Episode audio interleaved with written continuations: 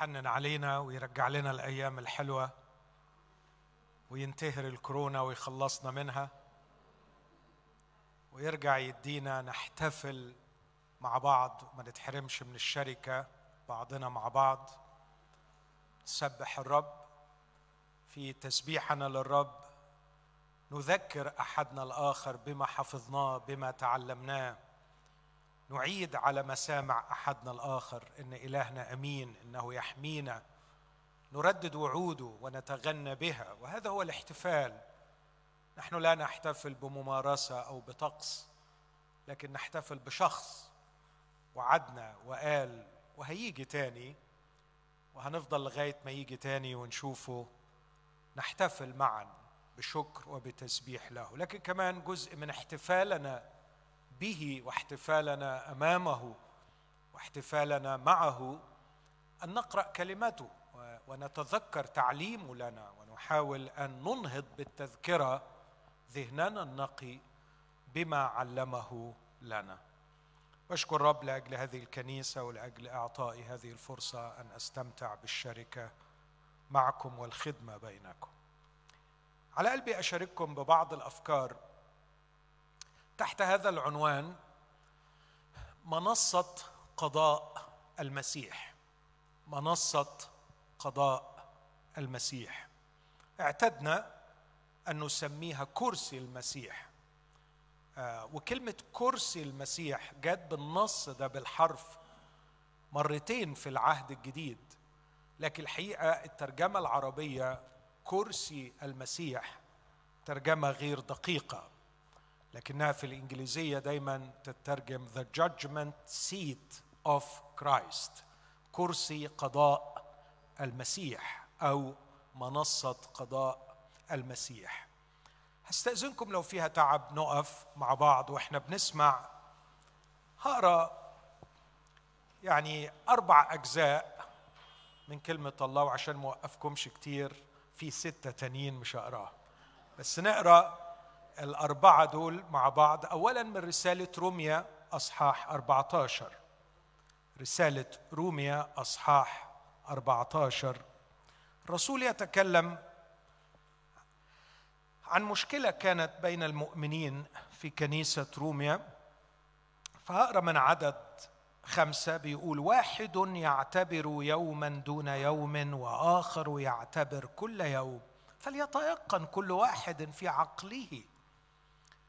الذي يهتم باليوم فللرب يهتم والذي لا يهتم باليوم فللرب لا يهتم.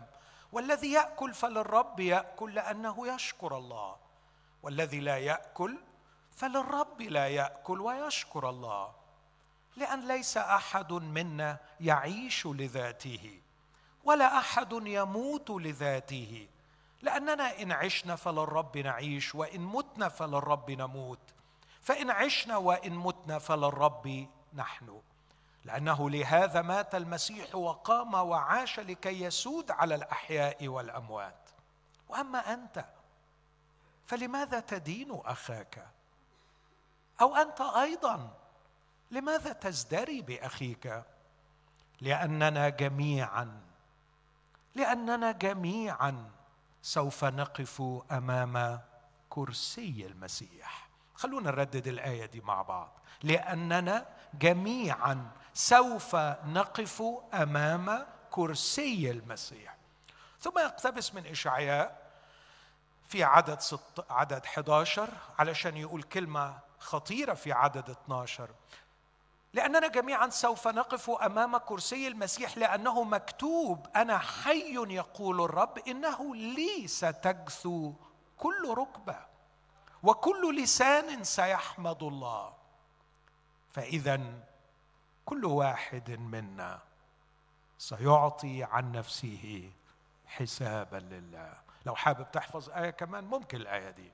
فاذا كل واحد منا سيعطي عن نفسه حسابا لله. النص الثاني في رسالة كورنثوس الأولى وأصحاح ثلاثة. في كورنثوس الأولى ثلاثة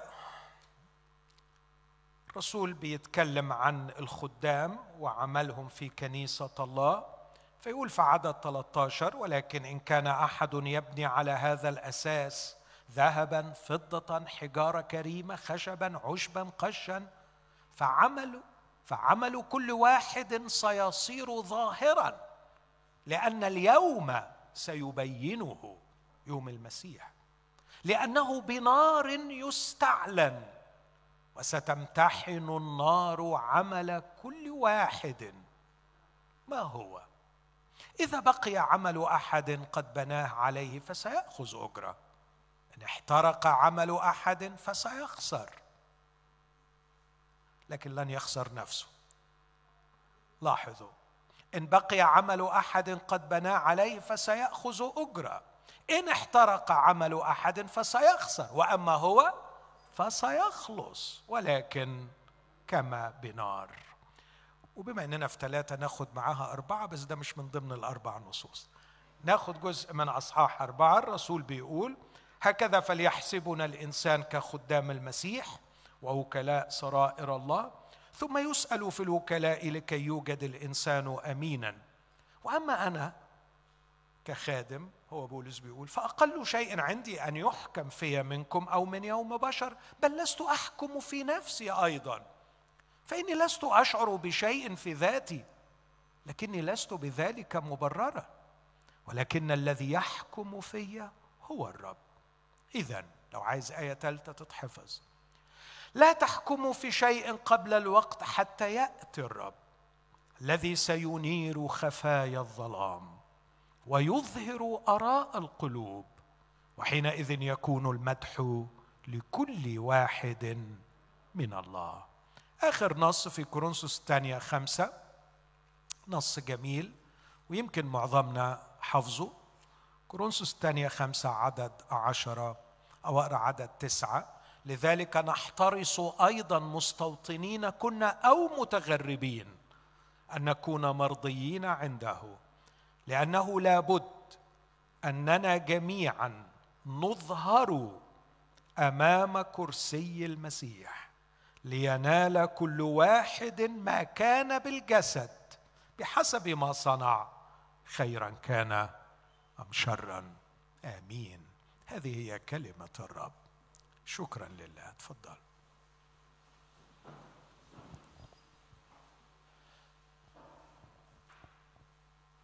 واحدة من أعظم النعم التي فتح الإصلاح الإنجيلي أو الإصلاح البروتستانتي في القرن السادس عشر عيوننا عليها هو حقيقة الخلاص وإزالة التشوهات التي لحقت بتعليم الخلاص تعليم التبرير ودعوة الله لأولاد حقيقيين للخلاص.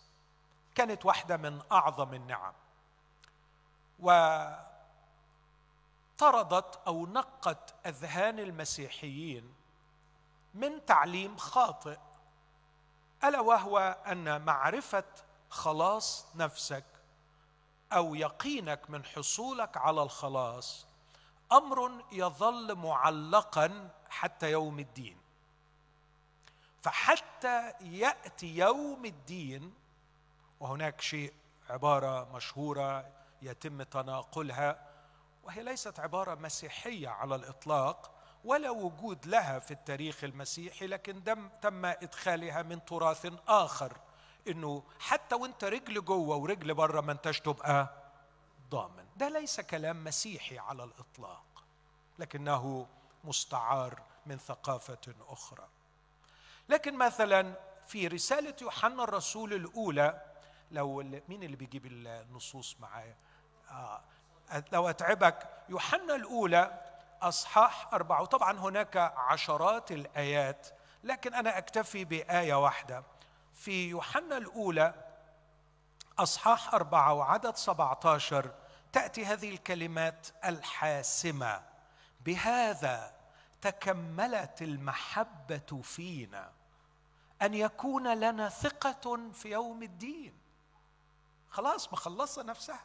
يكون لنا ثقة في يوم الدين. لن أذهب إلى يوم الدين مرتعبا غير عالم إن كنت سوف أدخل السماء أم لا. لكن هذا أمر ينبغي أن يحسم من الآن. إن اختباري الحقيقي لمحبة الله المنسكبة بالروح القدس تخلق في سلاما ويقينا. حتى تجعلني لي ثقة في يوم الدين. لدرجة بقى شوف يقول إيه الكلمة اللي بعديها؟ لأنه كما هو ودي القراءة الصحيحة لأنه كما هو في هذا العالم هكذا نحن أيضا. يعني حط الكما حط الفاصله بعد كما هو. كما هو في السماء الآن يحظى بكل قبول الله وسرور الله. هكذا نحن ونحن في هذا العالم نحظى بذات القبول لأنه هو هناك ليس بصفته الشخصية فقط لكن هناك ممثلا لنا. فنحن في المسيح. لأنه هناك يحملني هناك. فأنا فيه هناك من الآن. ولهذا كما هو هناك يحظى بقبول الله ومحبة الله وتقدير الله ويقول له اجلس عن يميني. هكذا نحن في هذا العالم لنا نفس القبول.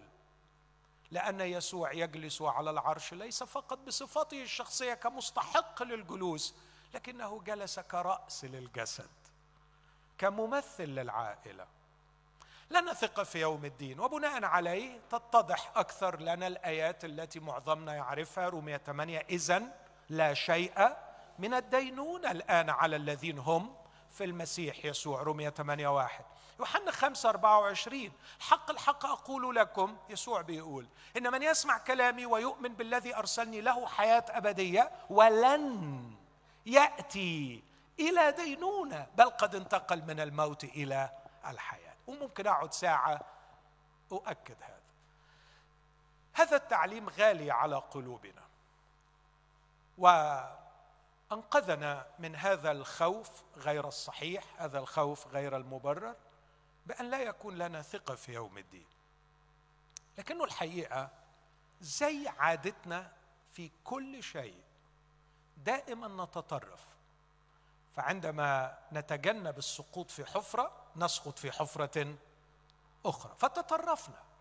تطرفنا بأننا تصورنا أننا لن نقف أمام المسيح كالديان.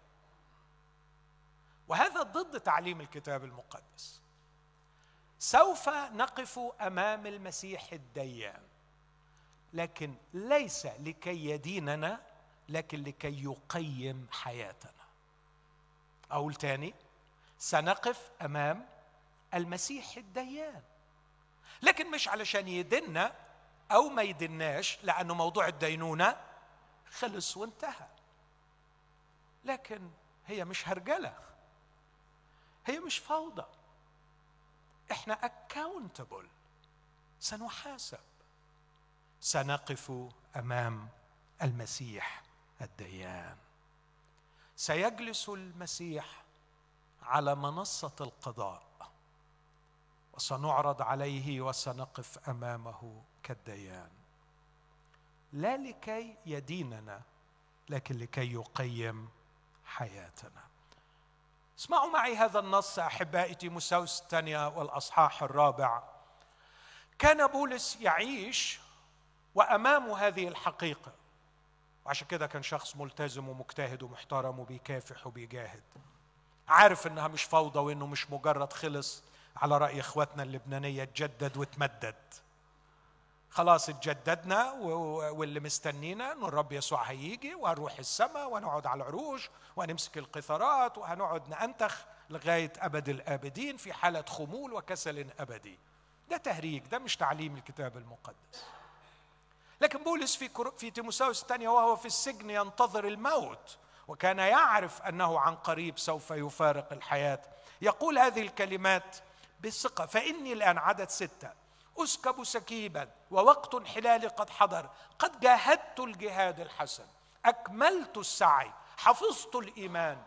يا سلام على الحياة المشرفة. ده الشخص اللي كان واعي للساعة بتاعته ده الشخص اللي كان واعي للنتيجة بتاعته ده الشخص اللي كان بيعد الأيام واللحظات والساعات ده اللي طبق كلام موسى لما قال إحصاء أيامنا هكذا. علم بعدهم يا رب باليوم لأن كل يوم في شيء عايزني أعمله مش عايز أخيب مش عايز أفشل مش عايز أضيع مش عايز أضيع وقتي ولا أضيع حياتي ولا أهدر أيامي في في الهفأ في الكلام الفاضي عايز أعيش زي ما أنت عايش. فأنا ضميري مستريح هو بيقول كده. حفظت الإيمان. وأخيرا واخدين بالكم من النص؟ وأخيرا وضع لي إكليل البر. الذي سيهبه لي الرب الرحيم المنعم. صح؟ لا. اللي هيهبه لي الرب الديان. إيه ده؟ وأنت يا بولس هتقف قدام الديان؟ آه وأنت كمان؟ آه هنقف قدام الديان. سيهبه لي الرب الديان العادل. عندما سأقف أمام الرب الديان العادل لن يقول لي إذا كنت ابن ولا مش ابن مش هيقول لي إذا كنت مخلص ولا مش مخلص. لكن هيقول لي إذا كنت كملت السعي ولا ما كملتوش. جاهدت الجهاد الحسن ولا ما جاهدتش. حفظت الإيمان أو ما حفظتش وبناء عليه يتقرر إذا كنت اكافئ أو لا اكافئ إذا كنت آخذ أجرة أو لا آخذ أجرة. طبعا أكيد حد يسمع يقول أنا مش عايز أجرة أنا بس عايز أدخل من جوه الباب وخلاص. ده بيهرج. و و وده أي كلام اللي بيقول كده أي كلام. وهحاول أشرح ليه هو أي كلام. لكن الرسول بولس بيقول لا بالعكس. أنا كان ده ده في كورنثوس الأولى تسعة يقول اللي بيجروا في الرياضة وبيتسابقوا عمالين يتسابقوا وهياخدوا في الآخر إكليل يفنى. لكن إحنا هناخد إكليل لا يفنى. وعشان كده أنا أقمع جسدي وأستعبده. لئلا بعدما كرست للآخرين أكون أنا نفسي مرفوض. لا أنا أسعى. ولست أحسب فيليب ثلاثة ولست أحسب نفسي أني قد نلت أو أدركت لكني أفعل شيئا واحدا. إذ أنا أنسى ما هو وراء وأمتد إلى ما هو. قدام أسعى نحو الغرض لأجل جعالة الجايزة يعني. عايز الجايزة. ففي ناس بتتروح عن بولس يعني. يعني بولس الراجل هيموت روحه عشان الجايزة؟ لأنه بيحب يسوع. ودول لأنه مش بيحبوا يسوع بيحبوا الراحة. هو عايز ينتخ. فبيقول لك أي حتة جوه الباب آه يعني خلاص مش داخل السماء. ما انت جوه الباب هتنتخ على العرش. خلاص بقى أهم حاجة إن إحنا نروح. بس بولس مش شايف الدنيا كده ومش شايف السماء كده ومش شايف الحياة في الإترنتي كده. لا الأبدية مش زي ما إحنا تصورناها برضو تصور غير مسيحي. المهم إن إحنا نوصل وندخل من جوه الباب. الذي يهبه لي الرب الديان العادل. وبعدين يقول ده مش لي أنا بس. مش لي أنا بس. وليس لي فقط. بس اسمع العبارة دي. بل لجميع الذين يحبون ظهور. بص التعبير ده رهيب. على فكرة اللي, اللي, اللي محدش يحب ظهور الرب إلا إذا كان مطمئن إنه نال الخلاص صح؟ لأن ظهور الرب كالديان لما يصنع الدينونة على الجميع ده يبقى شيء مرعب جدا لشخص خاطئ لشخص مش عارف إنه نال الخلاص. كيف تحب ظهور الرب؟ أحب ظهور الرب لأني عارف إني مغسول بالدم لأنه محى ذنبي وغسلني من خطاياي بدمه ومحى الصك الذي كان علي والذي كان ضدا لي وكتب اسمي في سفر الحياة. لهذا أنا لا أخشى من ظهوره أحب ظهوره. بس اللي يحب ظهور الرب أكيد متيقن من أمر الخلاص لكن كمان عارف إنه عاشها صح. مطمئن إنه عاشها صح. وعشان كده مش قلقان من هذا اليوم. مش عايز آخد وقت أكتر من كده. في إثبات أننا سنقف أمام الرب الديان لكن ليس لتقرير المصير لكن لتقييم نوع الحياة التي عشناها. وبناء عليه إذا الحقيقة دي سيطرت على أذهاننا أحبائي خلينا أقول اولا هي اللي هتحدد الوضع بتاعك التقييم اللي هتاخده أمام كرسي المسيح أمام منصة القضاء. أنا ممكن أقرأ آيات كتيرة قوي من سفر الأعمال بس لكن يعني أعشم إنكم واثقين فيا فعشان كده مش عايز أخد وقت طويل. يعني كلمة كرسي المسيح قريناها مرتين رومية 14 وكمان في كورنثوس الثانية خمسة كلمة كرسي في اليوناني بيما. وهي نفس الكلمة اللي جت في أعمال 18 ثلاث مرات وأعمال 25 ثلاث مرات وجت في يوحنا 19 وفي متى 27 لما يقول كرسي الولاية. لما امرأة بيلاطس أرسلت له رسالة وهو جالس على كرسي الولاية. غاليون اللي جالس على كرسي الولاية يقول طردهم من الكرسي الكرسي هنا مش مجرد كرسي زي اللي إحنا قاعدين عليه لكن عرش قضاء كرسي القضاء.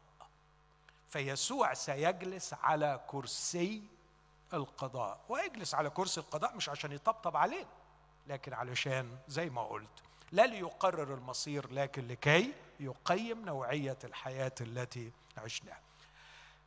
طب التقييم ده هيفرق في إيه؟ أقول لك على خبر غريب. هيفرق إلى أبد الآبدين في الوضع الأبدي بتاعك. وهدي مثال واحد علشان الوقت لأن أنا عندي أربع دروس عملية عايز أقولهم بسرعة. فاكرين لقى 19 ومثل الأمناء؟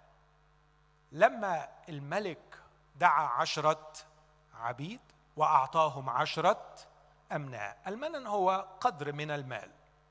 وهنا غير مثل الوزنات. لأنه في مثل الوزنات تفاوتوا لكن هنا تساووا في كل واحد خد قد إيه بالظبط. كل واحد خد قد إيه كلهم خدوا منن بس واحد راح لما جاء هو لما اداهم العشرة أمناء قال لهم تاجروا حتى آتي. تاجر.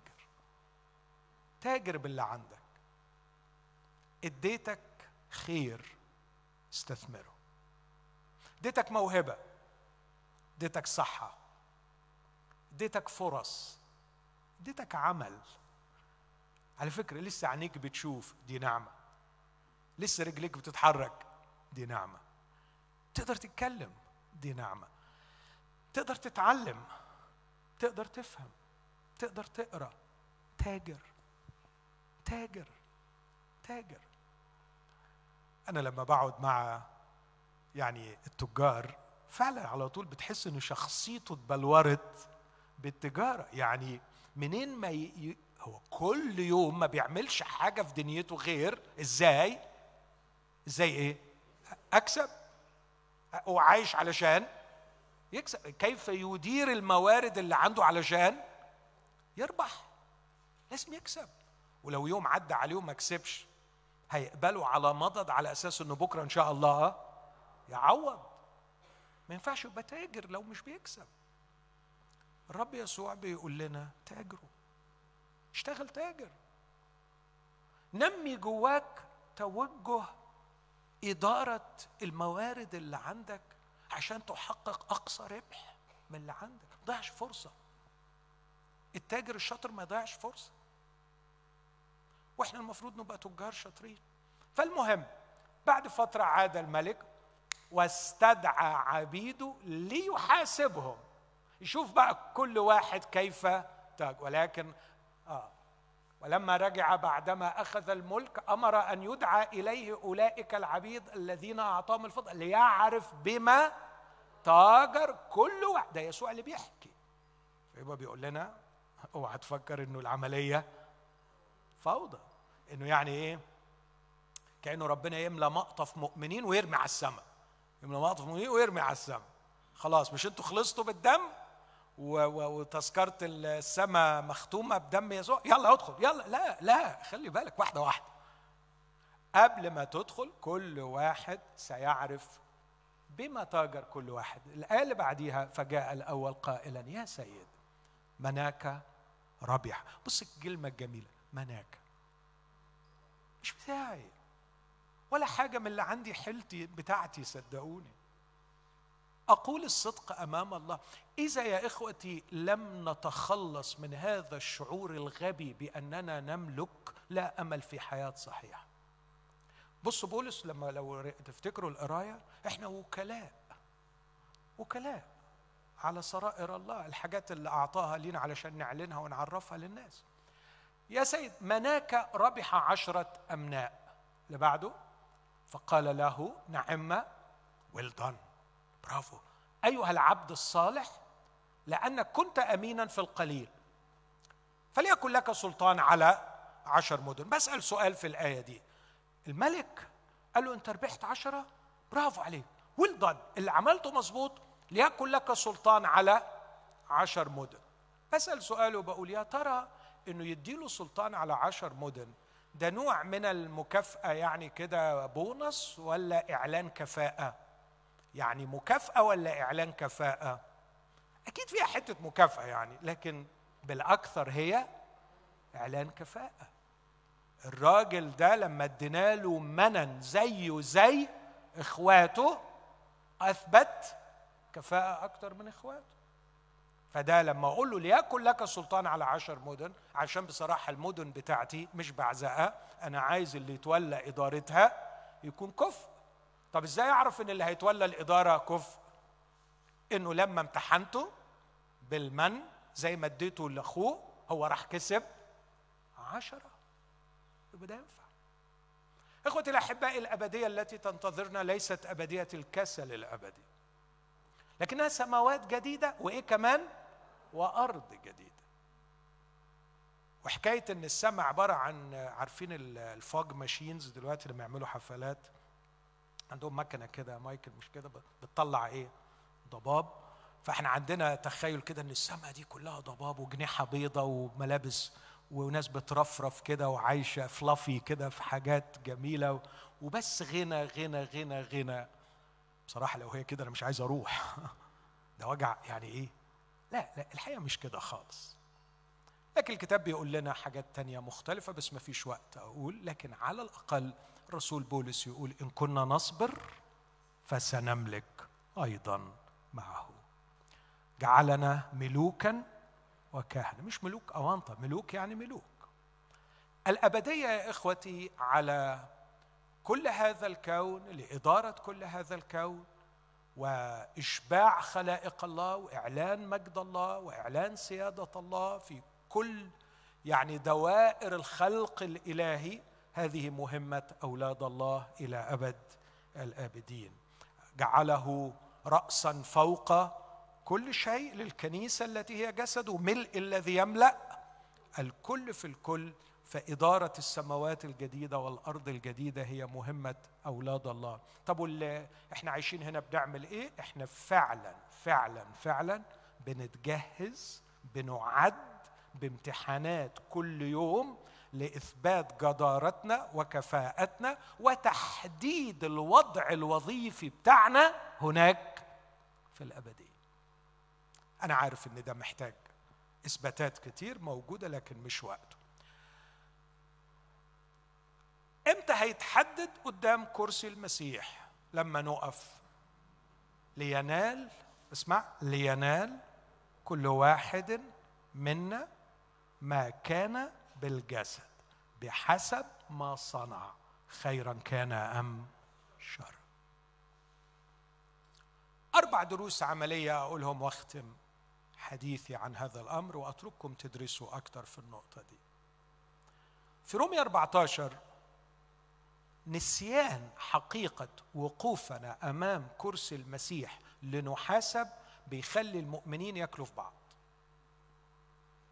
هناك اضطراب في علاقتنا أحدنا بالآخر بسبب غياب الحقيقة. إني عبد مثل أخي.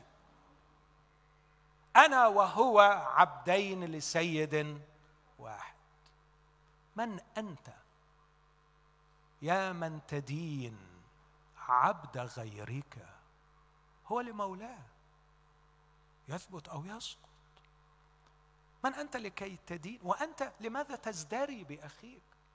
لأننا جميعا سوف نقف أمام كرسي المسيح. لأن كل واحد منا سيعطي حسابا عن نفسه. نسينا إن إحنا هنقف قدامه وهو هيقعد على العرش. فرحنا من دلوقتي قعدنا على منصات القضاء وابتدينا نعمل إيه؟ ها؟ نحاسب ده ينفع. ده ما ينفعش. ده كويس. ده حيلك خلي بالك. خلي بالك ما ينفعش. انت بتهرج. ده مش شغلك. الشغلانه دي واسعة عليك حبتين كبيرة عليك تقيلة عليك. الشغلانه دي ليها حد متعين لها. وبصراحة عشان يتعين لها ده تعب كتير قوي علشان يوصل لها. وانت جاي تنط على الجهاز كده وتمسك أولاد الله. وتحكم وترسم فيهم. تعالوا نشوف النص إزاي بيورينا. الحكاية علشان نبقى فاهمين الخلفية بتاعت رومية 14 إنه الكنيسة كان فيها مؤمنين من يهود ومن أمم. إخواتنا اليهود اللي جم للرب أكيد حرام متبرمجين طول عمرهم على إنه ما يأكلش غير الكوشير اللي هو الأكل الحلال. فما يقدرش يأكل أكل وخلاص لازم أكل حلال. يكون مطمن إنه مذبوح حلال. وكمان آه، يوم السبت بالنسبة له قضية مفروغ منها يعني ما يقدرش يعمل حاجة يوم السبت. آه، لما جه المسيحية آه، ابتدى الرسول بولس يعلم والمعلمين المسيحيين يقولوا له إحنا الطعام لا يقربنا إلى الله. إحنا قربنا إلى الله بدم المسيح. والأيام بتاعتنا خلاص بقت كلها للرب مش يوم مكرس للرب بقت كل أيامنا للرب. خلاص يا حبيبي خلاص. فيجي حرام يروح واكل حاجة وما ينامش طول الليل. تجي له حالة انكزايتي رهيبة ويقلق لألا يكون اللي أنا أكلته ده كان مذبوح لوثن يا نهار مش فايت أنا كده غلطت أنا كده عملت جريمة أنا اشتركت في عبادة وثنية فيقعد قلقان. يقول طب أنا هغلب روحي ليه وأعذب نفسي ليه؟ بناقصها أكل. لا فأنا مش هاكل خالص وهاكل بقول وأريح دماغي. خصوصا أنا عايش في بلد أممية معظم اللحمة اللي بتتباع فيها مذبوحه لوثن فأنا أريح دماغي من الحكاية دي. بس في أخ تاني يقول له بس على فكرة أنا حضرت في أنطاكيا بولس لما بهدل بطرس علشان ما رضيش ياكل. وقال له كلام في عظمه. وقال له إن أنت كده تكون بتهدم الإنجيل. فأنا لازم آكل علشان أثبت أن الخلاص هو بدم المسيح وليس بأكل أو مش بأكل ودبت الخناقه واحد بيقول أنا مش هاكل ولازم ما أكلش والتاني بيقول أنا لازم آكل. بولس بيحل الإشكالية دي بطريقة الحقيقة غاية في الروعة. بصوا أحبائي يقول إيه في رسالة روميا أصحاح 14 الجزء اللي أنا قريته. بيقول في عدد هقرأ من عدد اثنين واحد يؤمن أن يأكل كل شيء. ده الحر ده القوي. وأما الضعيف فيأكل بقولا. لا يزدري من يأكل بمن لا يأكل. ولا يدن من لا يأكل من يأكل لأن الله قبله. اللي بيأكل قوي وشايف روحه فاهم فبقي بيحتقر الضعيف اللي مش عايز ياكل. ده متخلف ورجعي ومش فاهم ومش عايز يطلع لقدام. والتاني مش بيحتقره لكن يعمل إيه؟ أنت متحرر ومنحل وليبرالي. فأنت رايح في داهية. فواحد عمال يقول على واحد أنت رجعي والتاني بيقول على واحد أنت ليبرالي. هو بيقول يا جماعة اللي بياكل ما يحتقرش اللي ما بياكلش واللي ما بياكلش ما يدينش اللي بياكل. ليه؟ بص عدد أربعة. من أنت؟ يا رب فكرنا بالكلمة دي من فضلك. بس تعرف إمتى من أنت دي؟ who are you أنت مين؟ تعرف الكلمة دي تكبر قدامي وتاخد وضعها في مشاعري؟ لما بفتكر إنه لو غمضت عيني دلوقتي أنا هكون قدام المسيح. وفي يوم من الأيام سأقف أمام منصة قضاء المسيح. سأحاسب على كل كلمة وعلى كل فعل وعلى كل شعور وعلى كل حاجة عملتها. أنا مش عندنا انطباع كده. هتفوت على طول. لا في حساب. في حساب. من أنت؟ من أنت؟ بص النص جميل إزاي. من أنت الذي تدين مش عبد غيرك؟ يعني الدين عبد تاني. لا. تدين عبد غيرك. يعني لو انت دينته كأنك بتعتبر إنه هو عبدك انت. على فكرة فوق ده مش بتاعك. يلي عمالين تدينوا في خلق الله فوق ودول مش مش غنيمة ربنا سابها لكم. من أنت يا من تدي الذي تدين عبد غيرك؟ هو هو ليه مولى على فكرة ليه اونر ليه مالك وبالمناسبة مش انت الأونر بتاعه. هو اللي مولاه. بص الجمال يثبت في الامتحان لما يتفحص أو يسقط. بس بولس بإيمانه ورجائه يقول ولكنه سيثبت. سيثبت. ليه سيثبت؟ لأن الله قادر أن يثبت. وجميل الرب الرب في طول رحلته معانا عايز يعمل كل حاجة عشان ينجحنا في الامتحان. لكن للأسف إحنا لما بنحاسب بعض بنبقى بنحاسب بعض علشان نسقط. نسقط بعض. لكنه سيثبت لأن الله قادر أن يثبت. واحد يعتبر يوما دون يوم وآخر يعتبر كل يوم. وبعدين بيقول إيه؟ فليتيقن كل واحد في عقله. يعني إيه يتيقن. يا عمي ابحث في عقلك أنت. أنت أنت أنت عندك شكوك ينفع ولا ما ينفعش؟ اعمل دي قضية بحثك وروح ذاكر وروح اجتهد وروح. اوصل لليقين من جهة الأمر. لنفسك. لنفسك. وسيب أخوك برضه يعمل الواجب بتاعه. كل واحد يعمل هوم ورك بتاعه ويشتغل على نفسه. الذي يهتم وبعدين بولس بقى يكشف الدوافع فيقول شوية. الذي يهتم باليوم فللرب يهتم والذي لا يهتم باليوم فللرب لا يهتم.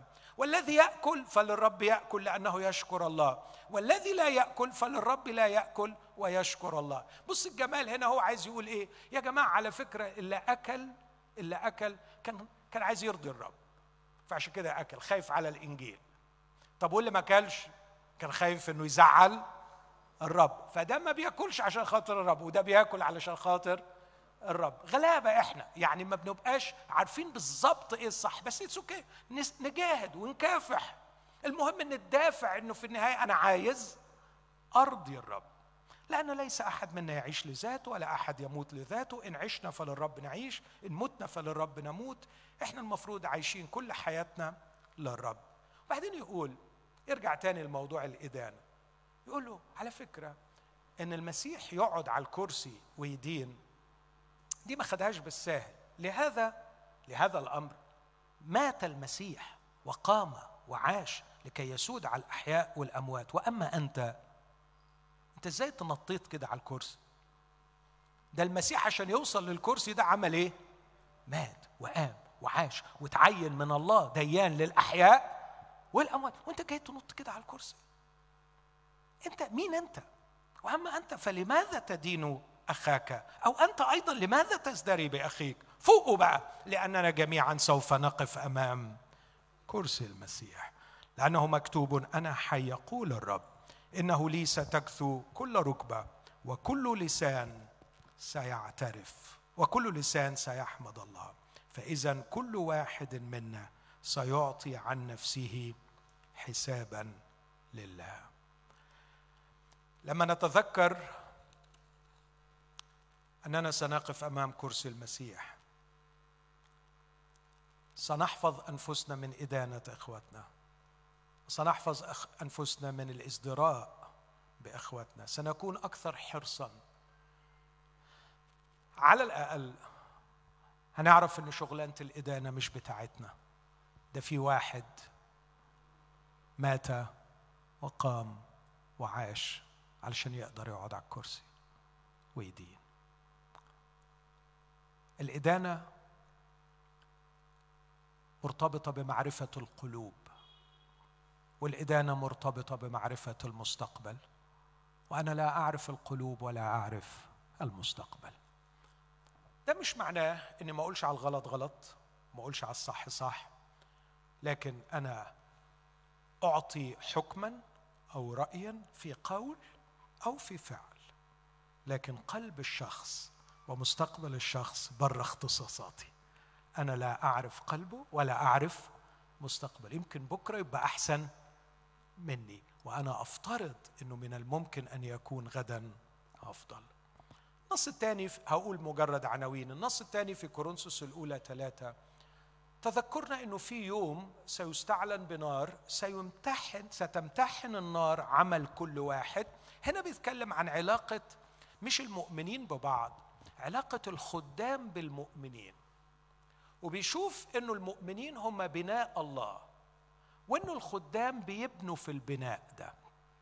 وقال إن في واحد بيبني ذهب فضة حجارة كريمة وفي كمان خشب وعشب وقش. إيه ليه الماتيريالز دي ليه المواد دي بالذات اختارها؟ اعتقادي لسببين. السبب الأول إنه الجزئية الثلاثه الأولانيين آه، يعملوا يعني ثراء. يغنوا كنيسة الله يغنوا المؤمنين. لكن الحاجة الثانية إن هم يحتملوا امتحان النار. وأنا أعتقد ده اللي هيحاسب عليه الخدام. أنت رنمت أنت وعظت أنت دبرت أنت أعطيت انت اهتميت انت وعظت انت عملت أي نوع من الخدمة في الكنيسة؟ في سؤالين. السؤال الأول هل أثريت الكنيسة؟ هل أغنيت إخوتك؟ هل أسهمت في بنيانهم الروحي؟ هل كنت تعمل بحب حقيقي؟ مش لنفسك. مش لنفسك. لكن لكي يكونوا أكثر قوة وسلامة وصحة وفرح وقداسة وحياة ونجاح كنت مشغول بيهم؟ أنت كنت بتحط ذهب فضة حجارة كريمة؟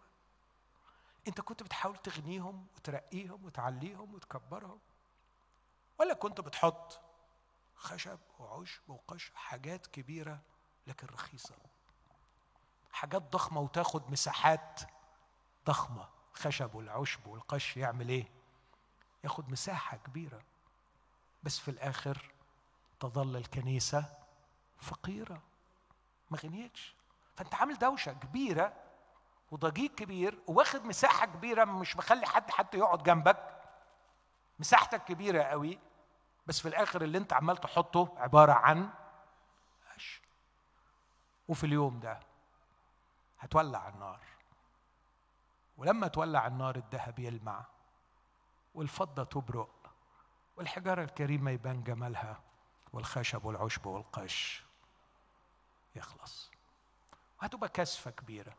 يوحنا خاف من الحكاية دي فيقول أيها الأولاد أثبتوا فيه لكي يكون لنا ثقة. يوحنا الأولى 2 27 لكي يكون لنا ثقة ولا نخجل منه في مجيئه. ويهوذا يقول أنا بصلي لكم إنه يثبتكم علشان يكون تكونوا بلا لوم في يوم الابتهاج تبتهجوا في هذا اليوم بسبب اللي عملتوه. في كورنثوس الأولى أربعة الخدام والرب إنه بيقول أنا لا أحكم في شيء قبل الوقت لكن مستني اليوم اللي الرب ينير في خفايا الظلام ويظهر آراء القلوب ده في, في قدام كرسي المسيح. وكلمة آراء القلوب يعني نيات القلب intentions. أنا كانت نيتي إيه؟ وده بيعلم الخادم إنه في علاقته بإخواته ما ينتظرش تقييمه من إخواته لأنه مرات كثيرة التقييم بيكون غير دقيق سواء سلبي أو إيجابي. ومرات التقدير الإيجابي بيكون خادع ومدمر. فحد يسقف لك وأنت تكون يعني ضايع. فالمفروض إن الواحد يقف قدام الرب ويقول له اختبرني يا الله واعرف قلبي. للدرجه إن بولس قال كلمة خطيرة. قال أنا بفحص نفسي وبفحص دوافعي ومش بلاقي إن في حاجة غلط لكن ده مش معناه إن أنا سليم. لست بذلك مبررا لكن الذي يحكم في هو الرب. وأنا مستني اليوم الأخير وآخر نص. المؤمنين كلهم في علاقتهم بالرب. لأننا جميعا سوف نظهر أمام كرسي المسيح. في كورنثوس الثانية أصحاح خمسة وعدد عشرة. في عدد تسعة لو ممكن نجيب النص ده بيقول في وضعنا الحالي ممكن تشوف نفسك بطريقتين. تشوف نفسك مستوطن في الجسد. وبما إنك مستوطن في الجسد فأنت متغرب عن الرب صح؟ أو تشوف نفسك نفسك إنك تستوطن عند الرب وتتغرب عن الجسد. فممكن أشوف نفسي في حالة من اتنين. يا إما ببص لنفسي دايما إني مستوطن في الجسد أو بشوف نفسي دايما متغرب عن الرب. والحالتين الحالتين صح. فطول ما أنا مستوطن في الجسد أنا متغرب عن الرب. لكن ممكن مرة أركز على إني مستوطن في الجسد ومرة متغرب عن الرب. أركز على دي أو أركز على دي. مع إن الاثنين وجهان لعملة واحدة. فطول ما أنا مستوطن أنا متغرب. لما أخلع وأتغرب عن الجسد سوف أستوطن عند الرب. وأنا مستني هذا البناء ومستني هذا الاستيطان. وأنا في الخيمة دي بإن مشتاق إني أخلعها أو إني ألبس فوقها مسكنني مسكننا الذي من السماء. بس خد بالك لو ركزت على إنك مستوطن في الجسد ممكن تدلع الجسد. ما أنا مستوطن في الجسد. طب أعمل إيه؟ ما هو ده اللي لممني دلوقتي. ما هو ده اللي أنا عايش فيه. فتبص تلاقي التركيز على الجسد. ولو ركزت على إني متغرب عن الرب طبعا هنعمل إيه؟ ما هو لسه ما جاش وهو بعيد أدينا متغربين عن الرب فنعمل إيه؟ نتهاون. لكن بولس بيقول إذا نظرت لنفسك مستوطن في الجسد أو نظرت لنفسك متغرب عن الرب في الحالتين احترس أن تكون مرضيا عنده. نعم أنا مستوطن في الجسد لكن علي أن أتذكر أن هذا الجسد ملك للرب. بسميه دايما بنك الطاقة لتشغيل الإرادة. بنك الطاقة لتشغيل الإرادة. وأنا مش هشغله لحساب إرادتي لكن لحساب إرادة الرب. أن أفعل مشيئتك يا إلهي سررت. أنا أنا هشغل جسمي لعبادة الرب لطاعة الرب لعمل مشيئة الرب. طب وإذا نظرت لنفسي على إني متغرب عن الرب مش معناها إنه سيدي يبطئ قدومه وأفعل اللي نفسي فيه؟ لا ده ممكن يجي حبيبنا اليوم. ده ممكن في لحظة ألاقي روحي بعد ساعة ألاقي روحي عند الرب. نعم أنا متغرب عن الرب لكن لا أعرف متى ستنتهي غربتي. وعلي أن أحرص كل الحرص أن أكون مستعدا في كل لحظة لأنه في ساعة لا تعرفون في يوم لا نعرفه وساعة لا نعلمها يأتي سيدنا فعلينا أن نسهر ونستعد.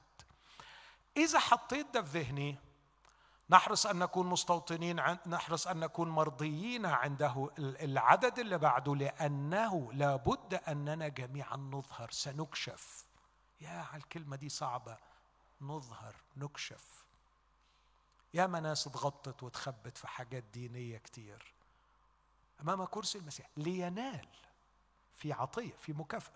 كل واحد ما كان بالجسد بحسب ما صنع خيرا كان أم شرا. سؤال خطير هنا. يعني ده معناه أن المؤمنين لاحظ هو بيتكلم في الأصحاح ده عن مؤمنين ولا خطاة؟ مؤمنين ده بيقول إحنا مستنيين مسكننا لنا بناء ده في أول العدد واضح أول الأصحاح.